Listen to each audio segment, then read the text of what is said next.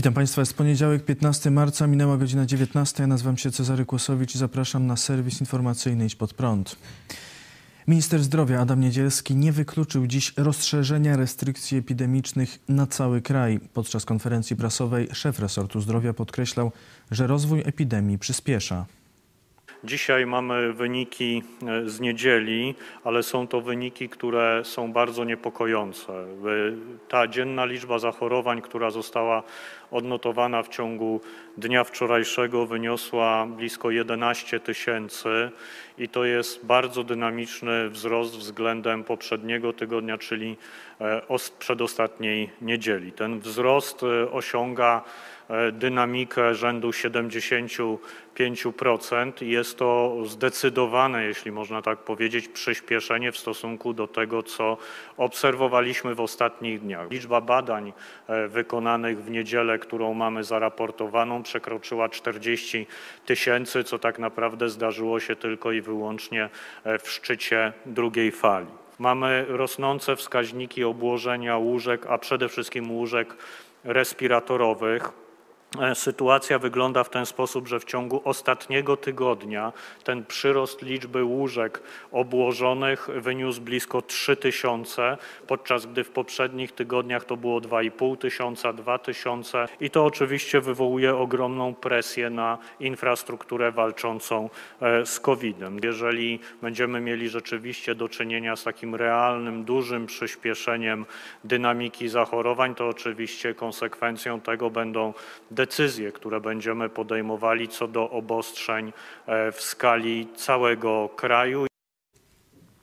Decyzja co do rozszerzenia obostrzeń na cały kraj ma być podjęta w czwartek. Minister został zapytany, czy rząd rozważa całkowite zamknięcie kościołów na czas świąt Wielkiej Nocy. Jak powiedziałem, w perspektywie czwartku podejmiemy ostateczną decyzję, ale trudno rozważać, żeby w naszej tradycji kulturowej święta odbyły się bez wizyty w kościele na pewno będą obowiązywały normy sanitarne, takie jak już teraz są na przykład w galeriach handlowych. O wszystkich decyzjach poinformujemy do czwartku, odpowiedział Niedzielski. Minister powiedział też o nowej ścieżce zapisów na badania na obecność koronawirusa. Będzie można to zrobić samodzielnie i to jest bardzo ważne, bez e, konieczności korzystania z lekarza. E, proces będzie wyglądał w ten sposób, że musicie Państwo wejść na stronę gov www.pl łamane przez dom, tak jak domowa opieka medyczna. Na tej stronie znajduje się już formularz, e, w ramach którego jest konieczność odpowiedzenia na kilka takich podstawowych pytań. Podstawowych pytań, które z jednej strony dotyczą e, sytuacji identyfikowania ryzyka, czy był kontakt z osobą zarażoną, bo to jest przesłanka do wykonania testu, ale z drugiej strony też e, podsumowanie pewnych objawów, z którymi macie Państwo do czynienia i jeżeli te objawy w takiej ankiecie zostaną potwierdzone, to wtedy pod wskazany numer w formularzu będzie odzwaniał konsultant z infolinii i potwierdzając tożsamość będzie wystawiał zlecenie właśnie na wykonanie tego badania. I będziemy tutaj kierowali oczywiście do punktów drive-thru, e, których sieć funkcjonuje w całej Polsce. Przypomnę, że tych punktów obecnie mamy e, powyżej 600, także ta dostępność praktycznie na poziomie każdego powiatu. 471 osób zmarło z powodu chińskiego koronawirusa w Polsce w ciągu ostatniego weekendu. W sobotę resort zdrowia przekazał informację o śmierci 343 osób, wczoraj 110, a dziś 28. W ciągu ostatniej doby potwierdzono ponad 10 800 nowych zakażeń koronawirusem. Liczba łóżek szpitalnych zajętych przez osoby zakażone po raz pierwszy od 4 grudnia przekroczyła 20 tysięcy. W użyciu jest ponad 2 tysiące respiratorów. W Polsce wykonano już 4,5 miliona szczepień przeciw koronawirusowi. W piątek wykonano ich 92 tysiące, w sobotę 28 tysięcy, wczoraj 11 tysięcy. Dwiema dawkami zaszczepiło się już 1 600 tysięcy osób. Stwierdzono ponad 5700 przypadków niepożądanych odczynów poszczepiennych. Opozycja wystawia wspólnego kandydata w Rzeszowie. Konrad Fijołek, obecnie wiceprzewodniczący Rady Miasta Rzeszowa, będzie wspólnym kandydatem kilku opozycyjnych ugrupowań na prezydenta miasta Rzeszów. Poparcie dla Fijołka deklarują Koalicja Obywatelska, Lewica, PSL i Polska 2050 Szymona Hołowni. Wcześniej PSL zgłaszał kandydaturę Edwarda Słupka, prezesa spółdzielni mieszkaniowej Zodiak. Konrad Fijołek będzie startował pod szyldem Komitetu Rozwój Rzeszowa 2.0. Swoją kandydaturę ogłosił dziś na rzeszowskim rynku. Podczas konferencji towarzyszyli mu liderzy partii opozycyjnych Borys Budka, Włodzimierz Czarzasty, Władysław Kosiniak-Kamysz i Szymon Hołownia. Fijołek zaznaczył, że w Rzeszowie się urodził, wychował i założył rodzinę. Powiedział, że chce być samorządowcem z odpowiednim doświadczeniem, reprezentować młode pokolenie i nie deprecjonować dorobku miasta Rzeszowa, ale dokonać niezbędnych zmian. Dotychczasowy prezydent miasta Tadeusz Ferenc złożył rezygnację 10 lutego. Na swojego następcę rekomendował Marcina Warchoła z Solidarnej Polski. Na swego następcę nieoczekiwanie wskazał polityka Solidarnej Polski wiceministra sprawiedliwości Marcina Warchoła. Prawo i Sprawiedliwość popiera kandydaturę Ewy Leniart, obecnej wojewody podkarpackiej. Porozumienie ma wyłonić kandydata w prawyborach 22 marca. Swojego kandydata w Rzeszowie wystawia też Konfederacja. Jest nim Grzegorz Braun. Zamiar kandydowania ogłosił także Maciej Masłowski, były poseł Kukiz 15. Formalnie wybory w Rzeszowie mają się odbyć 9 maja.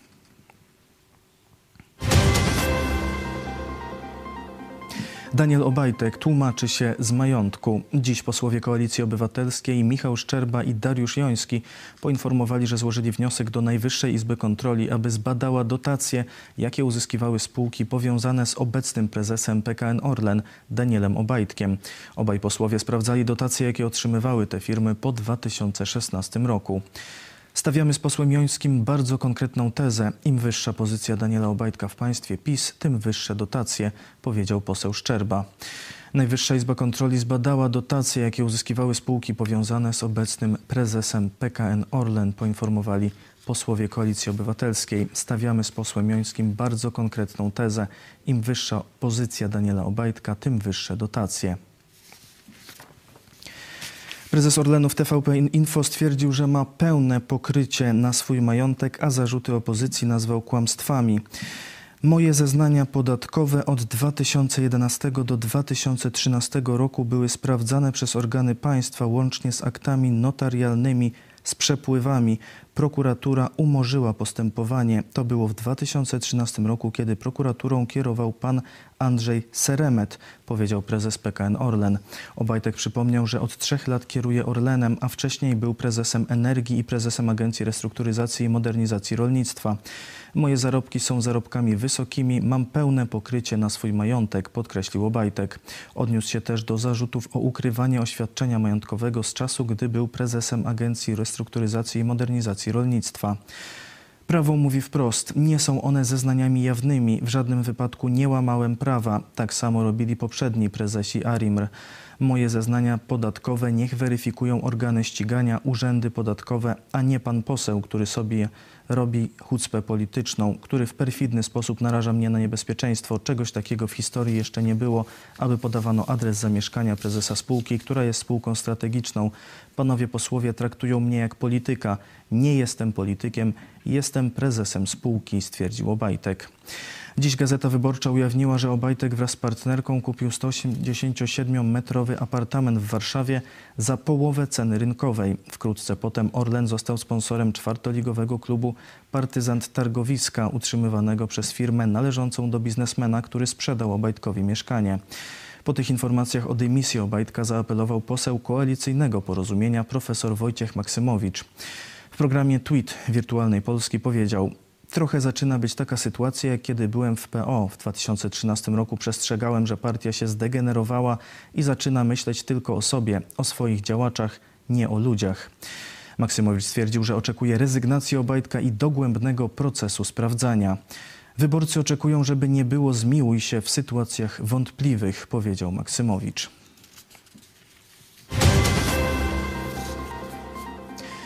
Prokuratura chce ścigać internautów za znieważenie Zbigniewa Ziobry. Gazeta Wyborcza informuje, że prokuratura rejonowa w Giżycku wszczęła śledztwo w sprawie znieważenia na forum internetowym wyborczej prokuratora generalnego Zbigniewa Ziobry i prokuratora krajowego Bogdana Święczkowskiego. Chodzi o użytkowników forum, którzy pod czterema artykułami krytycznie i czasem też wulgarnie wypowiadali się pod adresem ministra sprawiedliwości i prokuratora krajowego. Prokuratura chce ścigać internautów z artykułu 212 kodeksu karnego. Dziennik zaznacza, że prokuratura śledztwo wszczęła z urzędu, choć co do zasady takie postępowania toczy się z oskarżenia prywatnego. Co ciekawe, artykuł 212 był w przeszłości krytykowany przez Prawo i Sprawiedliwość. Jarosław Kaczyński mówił w 2007 roku. Artykuł 212 kodeksu karnego, który pozwala skazać na karę dwóch lat więzienia za pomówienie, innymi za pośrednictwem mediów, powinien przestać obowiązywać. Stwierdził, że ten przepis miał chronić ludzi przed pomówieniami, ale jak się okazało, w Polsce mógł być wykorzystywany przeciwko wolności. W 2008 roku PiS złożyło w Sejmie propozycję usunięcia artykułu 212 z kodeksu karnego. Projekt został odrzucony przez PO, PSL i Lewicę. W 2012 Kaczyński ponownie obiecał likwidację artykułu 212. Jeszcze na początku 2019 roku Zbigniew Ziobro deklarował gotowość do dyskusji z dziennikarzami nad likwidacją artykułu 212. Później jednak rząd PiS proponował rozszerzenie tego przepisu. Ze zmian jak na razie się wycofał. Bartłomiej Wróblewski został oficjalnie kandydatem na Rzecznika Praw Obywatelskich. Ogłaszając swoją kandydaturę na konferencji prasowej w Sejmie, poseł PiS stwierdził, że zagrożenia dla praw i wolności płyną z władzy publicznej w całej jej różnorodności. Jest to na pewno władza krajowa, ale jest to także władza europejska czy międzynarodowa. Jest to władza centralna, ale także są to władze samorządowe, jest władza wykonawcza, ustawodawcza, ale także są sądy i ze wszystkich tych stron mogą płynąć zagrożenia dla praw i wolności jednostki. Może płynąć także wsparcie dla tych praw, powiedział Wróblewski. Wśród zagrożeń dla wolności wymienił także globalne koncerny medialne i farmaceutyczne. Jeśli zostanę rzecznikiem praw obywatelskich, będę się starał pomóc każdemu człowiekowi niezależnie od wieku, niezależnie od przekonań politycznych, niezależnie od zapatrywań światopoglądowych, niezależnie od stanu zdrowia, niezależnie od orientacji. Nikt nie może być w Polsce dyskryminowany, oświadczył Bartłomiej Wróblewski. Wróblewski jest posłem Prawa i Sprawiedliwości od pięciu lat. Jest autorem wniosku do Trybunału Konstytucyjnego, który doprowadził do ograniczenia legalności aborcji. Kukis rozmawia z Kaczyńskim i Gowinem. Paweł Kukis ogłosił, że być może niedługo podpisze umowę z partią Porozumienie Jarosława Gowina w sprawie realizacji wspólnych postulatów. Chodzi o wprowadzenie instytucji sędziów pokoju, zmianę ordynacji wyborczej na model mieszany, ustawę antykorupcyjną i stałą subwencję samorządową. W środę Kukis i Gowin rozmawiali też o podatku od mediów. Rzeczniczka porozumienia Magdalena Sroka przekazała, że rozmowy z Kukizem trwają od kilku miesięcy. Jest bardzo wiele wspólnych punktów programowo-ideowych, pod którymi możemy się podpisać. W najbliższym czasie będziemy ogłaszać punkty, w których jesteśmy zbieżni, powiedziała Sroka. Kukiz w sprawie sędziów pokoju spotkał się także z Jarosławem Kaczyńskim. Tak relacjonował rozmowę dziennikowi Fakt. Rozmawialiśmy przy herbacie i soku pomidorowym. Powiało optymizmem. Jarosław Kaczyński wyraził zainteresowanie projektem. Uważa, że instytucja sędziów pokoju byłaby przydatna. Czas pokaże, czy jest to osobiste zdanie prezesa, czy też PiS rzeczywiście poprze ustawę. Dobrze, że wsparł ją intencyjnie.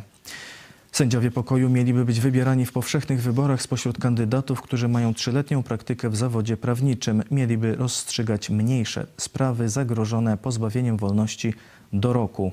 Kukis rozmawiał z Kaczyńskim także o referendach, zmianie ordynacji wyborczej i ustawie antykorupcyjnej. W rozmowie z Faktem Kukis powiedział, że ustawę antykorupcyjną dostał w prezencie od włoskiego wicepremiera Luigi Di Maio z ruchu pięciu gwiazd. Włoska ustawa mówi, że polityk skazany za korupcję jest dożywotnio pozbawiony biernego prawa wyborczego, możliwości zajmowania stanowisk w spółkach Skarbu Państwa i udziału w przetargach publicznych. Pandemia chińskiego koronawirusa pochłonęła już 2 miliony 660 tysięcy osób na całym świecie, w tym 5 tysięcy wczoraj. Wielka Brytania ogłosiła w niedzielę najniższy od września dobowy przyrost liczby zakażeń koronawirusem. Potwierdzono ich ponad 4600. Szczepienia w Polsce przebiegają szybciej niż w Niemczech, stwierdził niemiecki dziennik Die Welt. Filip Fritz, warszawski korespondent gazety, podaje, że podczas gdy w Niemczech szczepienia w gabinetach lekarskich ruszą dopiero w połowie kwietnia, w Polsce od początku postawiono na gęstszą infrastrukturę składającą się z mniejszych placówek. Polska zdecydowanie wyprzedza Niemcy, przy czym władze w Warszawie postępują w wielu sprawach inaczej niż ich zachodni sąsiad. Czytamy w artykule. Szczepienia preparatem firmy AstraZeneca wstrzymano w kolejnych państwach, w tym w Hiszpanii dla osób powyżej 55 roku życia, a także w Holandii, Irlandii, Bułgarii, Niemczech, Francji i Włoszech. Decyzje rządów związane były z wystąpieniem poważnych skutków ubocznych i zgonów osób, które otrzymały tę szczepionkę. Wiceprzewodniczący Komisji Europejskiej Franz Timmermans przyznał, że podczas zamawiania szczepionek popełniono szereg błędów zarówno w Brukseli, jak i w państwach członkowskich. Zaznaczył, że pomimo tych błędów chce, aby nadal szczepionki docierały do państw Unii Europejskiej za pośrednictwem Brukseli. Rozumiem to, że obywatele chcą dostarczenia szczepionek najszybciej jak to możliwe, ale musimy pamiętać, jak tragiczna byłaby sytuacja, w której jedne kraje członkowskie mogłoby pozwolić sobie na zamówienie szczepionek, a inne nie, powiedział Timmermans. Japonia nie jest zainteresowana kupnem chińskich szczepionek w ramach przygotowań Igrzysk Olimpijskich, ogłosiła Tamayo Marukawa, japońska minister do spraw olimpijskich. Marukawa poinformowała, że Międzynarodowy Komitet Olimpijski nie skonsultował z Japonią decyzji o zakupie chińskich szczepionek, które dodatkowo nie uzyskały autoryzacji rządu japońskiego. Oznacza to, że japońscy sportowcy nie zostaną zaszczepieni preparatami z komunistycznych Chin. Włochy wprowadziły dziś twardy lockdown połowy regionów. Nowe restrykcje objęły 48 z 60 milionów mieszkańców Włoch i dotyczą zakazu wychodzenia z domu bez ważnego powodu, nauki zdalnej na wszystkich poziomach edukacji, zamknięcia wszystkich obiektów sportowych, a także wszystkich sklepów poza tymi z najpotrzebniejszymi produktami. Obostrzenia mają obowiązywać do 6 kwietnia. Powstanie prywatna stacja kosmiczna. Amerykańska firma planuje rozpoczęcie budowy obiektu ze sztuczną grawitacją, mającego pomieścić do 400 osób już w 2025 roku. Marcin Palimonka. Amerykański startup Gateway Foundation chce zbudować stację kosmiczną ze sztuczną grawitacją. Budowa pierwszej prywatnej stacji kosmicznej ma rozpocząć się według zapowiedzi już w 2025 roku. Budowa ma być możliwa dzięki coraz niższym kosztom wynoszenia ładunków na orbitę. Do tej pory wysłanie ładunków w przestrzeń kosmiczną kosztowało około 8 tysięcy dolarów za kilogram. Obecnie dzięki wykorzystaniu prywatnej rakiety Falcon 9 transport może kosztować poniżej 2000 dolarów za kilogram. W przyszłości wykorzystując Starship Elona Muska koszty można obniżyć nawet do kilkuset dolarów za kilogram. Konstrukcja stacji ma być oparta o kratownicę i pierścień zewnętrzny. Sam montaż komponentów ma odbyć się w przestrzeni kosmicznej dzięki specjalnemu robotowi do montażu kratownic. Stacja w finalnej wersji będzie mogła przyjąć 400 osób. W obiekcie są planowane restauracje, salony widokowe, kina, bary oraz 24 moduły mieszkalne. Stacja będzie wirować wokół własnej osi, wytwarzając w ten sposób siłę odśrodkową, która stanie się dla jej mieszkańców sztuczną grawitacją. Będzie ona odczuwalna w pierścieniu zewnętrznym stacji i ma być zbliżona do grawitacji obecnej na Księżycu.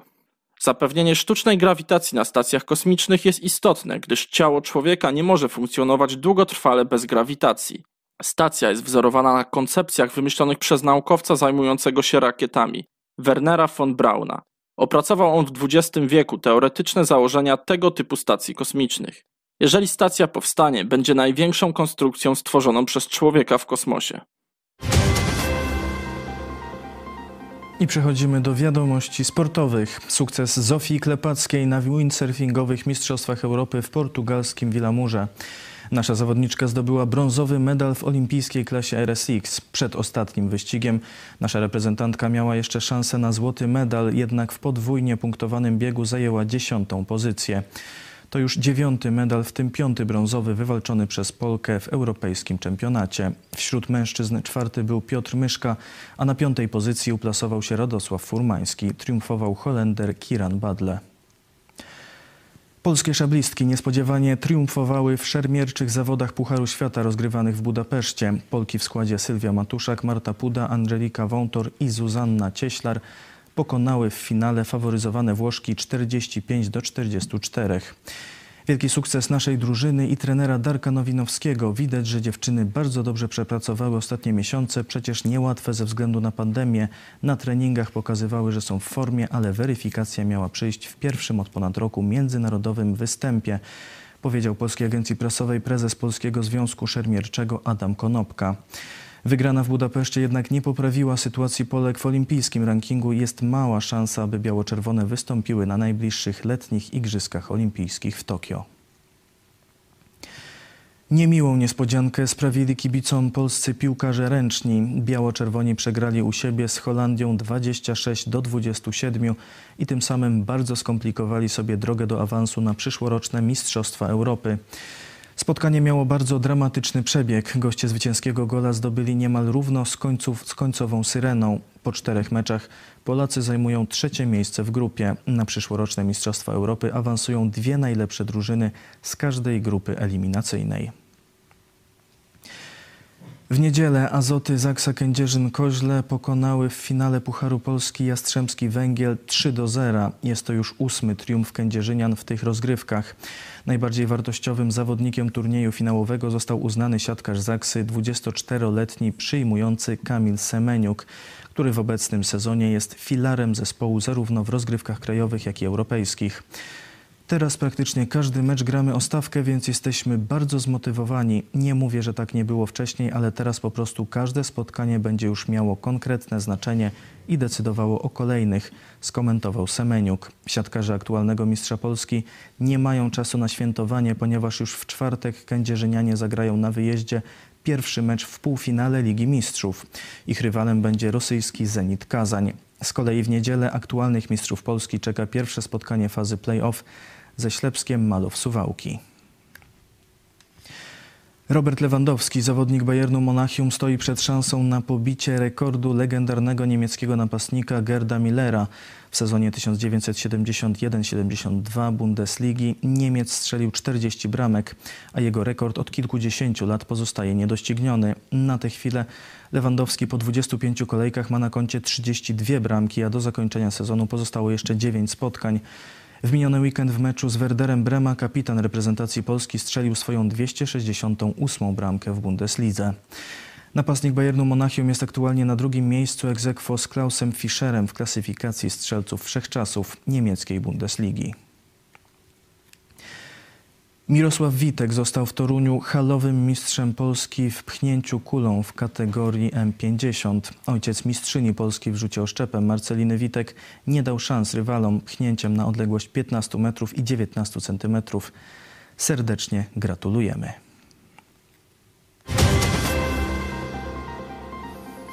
To wszystko w tym wydaniu serwisu. Dziękuję Państwu za uwagę. Kolejny serwis jutro o 19, ale jeszcze dziś o 20.30 Biblia w czasie zarazy i Księga Apokalipsy. Do zobaczenia.